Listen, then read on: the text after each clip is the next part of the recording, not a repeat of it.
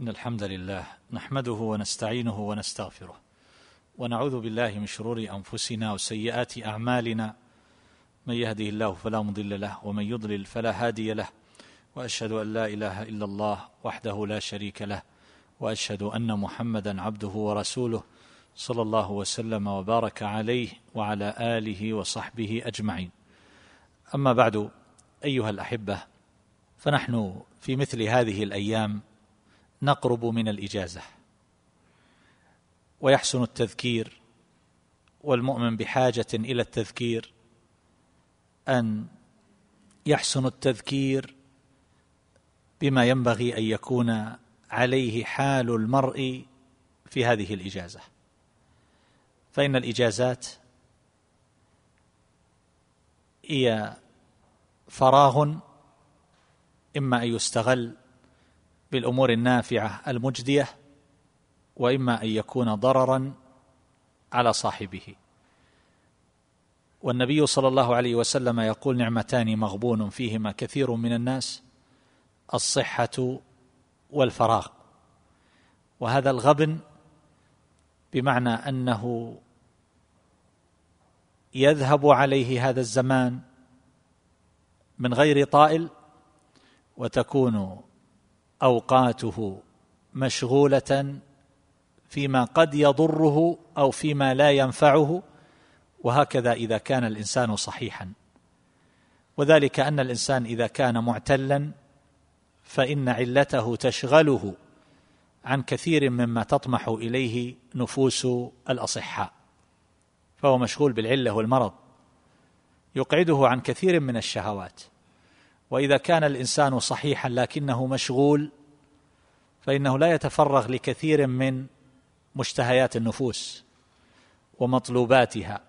فإذا اجتمعت له الصحة واجتمع له الفراغ فقد استحكمت أسباب الغفلة بالنسبة لهذا الإنسان. ولهذا كان الواجب أن يلاحظ المؤمن ذلك ويحفظ وقته والله تبارك وتعالى يقول فإذا فرغت فانصب وإلى ربك فارغب. وهذا بخلاف ما يتوهمه الكثيرون من أن الإجازات والفراغ أنه مدعاة للترهل والمرح واللهو والغفلة بجميع أنواعها وهذا غير صحيح. فإن الإنسان في أوقات الانشغال بالعمل أو الدراسة لربما لا يستطيع أن يحقق كثيرا من أمانيه ورغباته من حفظ كتاب الله عز وجل وقراءته آناء الليل وأطراف النهار وهكذا ما يتصل بالصيام ونوافل العبادات وتعلم أمور أخرى تنفعه في دينه أو في دنياه. فالمقصود أن الإجازة فرصة.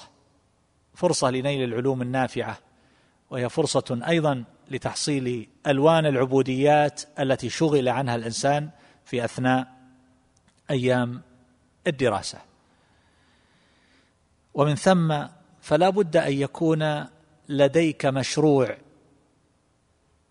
في هذه الإجازة. فما هو مشروعك؟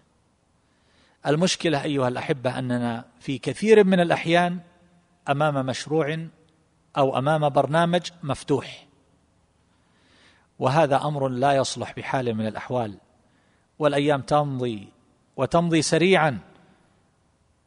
فتبدأ الإجازة ثم بعد مدة يسيرة وإذا بنا نودعها.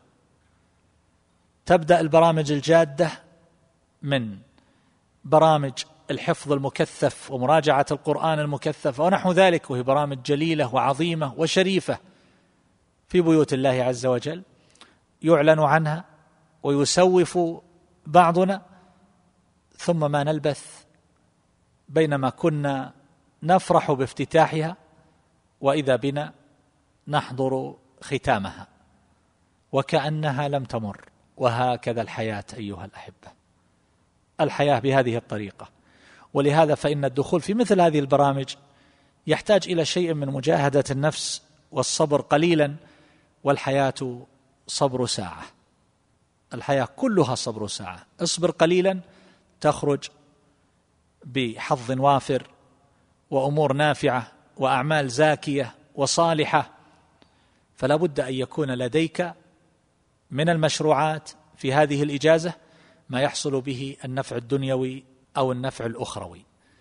هذه الإجازة أيها الأحبة في أيامها تبلغ سبعة وثمانين يوما. وعدد الساعات في هذه الإجازة تزيد على الألفين بثمانية وثمانين يوما من الساعات. في رمضان منها نحو سبعمائة وعشرين ساعة تقريبا وهو يمثل ثلث الإجازة.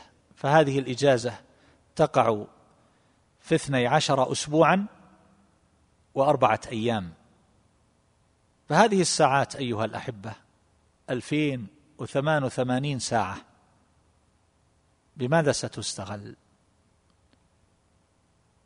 يذهب كثير منها بالغفلة والنوم والذهاب هنا وهناك بما لا يجدي. الفراغ إذا كثر أيها الأحبة يضر ما لم يستغل. إذا كان الإنسان فارغا تسلط عليه الشيطان. تسلط عليه بالخواطر والأفكار والوساوس السيئة. فتارة يوقعه في الأمور المحرمة والمعاصي. وإذا حصل مع هذا رفقاء السوء الذين يغرونه بالمنكر فإن ذلك يكون أشد وأعظم. فإن لم يستطع أن يوقعه في المعاصي تسلط عليه بإلقاء الخواطر والوساوس السيئة في قلبه فلربما يتوهم من العلل والأدواء والأمراض أو المخاوف مما لا حقيقة له. ولذلك فإن هذا الجيل الذي صار منعما فالبنت تبقى في البيت عندها خادمة وهي مكفية هذا الفراغ في الواقع يضرها. وهذا الشاب الذي تمر عليه الإجازة بلا عمل ينفع في الدنيا ولا في الآخرة هذا الفراغ يضره. فالشيطان إن لم يستطع أن يغويه بالذنوب والمعاصي والشهوات فإنه يتسلط عليه بالهواجس والأفكار والخواطر والوساوس التي تقعده وتمرضه وتوهنه. ثم بعد ذلك يطلب المخرج. المشكلة أيها الأحبة في مثل هذه الأوقات أن البقاء في البيت فيه ما فيه من المفاسد بسبب وسائل الاتصال الحديثة. فربما يقعد الواحد من هؤلاء الأولاد أو البنات في البيت فيقلب صفحات المواقع السيئة التي تبث فكرا منحرفا وعقائد فاسدة أو تبث الإباحية والشهوات. فتدمر الدين والفضيلة والأخلاق وهو في بيته. وإذا خرج فإلى أين يكون خروجه؟ ومن ثم اذا أيها الأحبة في نظري من لم يوفق في بيته أن يكون له برامج جادة يلتزمها ويشتغل بها ولا يصرفه عنها صارف فإنه إن لم يستطع ذلك فيمكن أن يلتحق ببرامج معروفة موثوقة دخلها داخلون قبله ثم بعد ذلك خرجوا منها بألوان الخير والظفر. أما إذا كان الإنسان يقول أنا سأعمل لنفسي ثم يكون ذلك مجرد أماني وتنتهي الإجازة ولم ينجز عشر البرنامج فمثل هذا لا يصلح بحال من الأحوال. التحق ببرنامج في التحفيظ في حفظ القرآن في حفظ خمسة أجزاء في مراجعة القرآن كاملا في حفظ عشرة أجزاء أو غير ذلك. التحق ببرامج علمية في حفظ الصحيحين كنت ممن حفظ القرآن أو حفظ المتون العلمية أو غير ذلك من البرامج المراكز الصيفية ونحو ذلك بحيث تخرج بأمور نافعة وتشغل هذا الوقت بما يجدي ويثمر.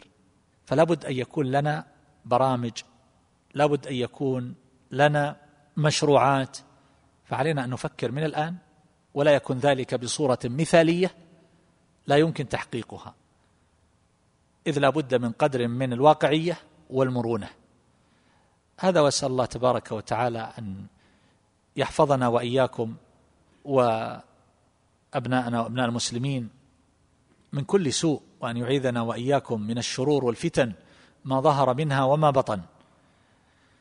اللهم ارحم موتانا واشف مرضانا وعاف مبتلانا واجعل آخرتنا خيرا من دنيانا والله أعلم. صلى الله عليه وسلم وعلى صحبه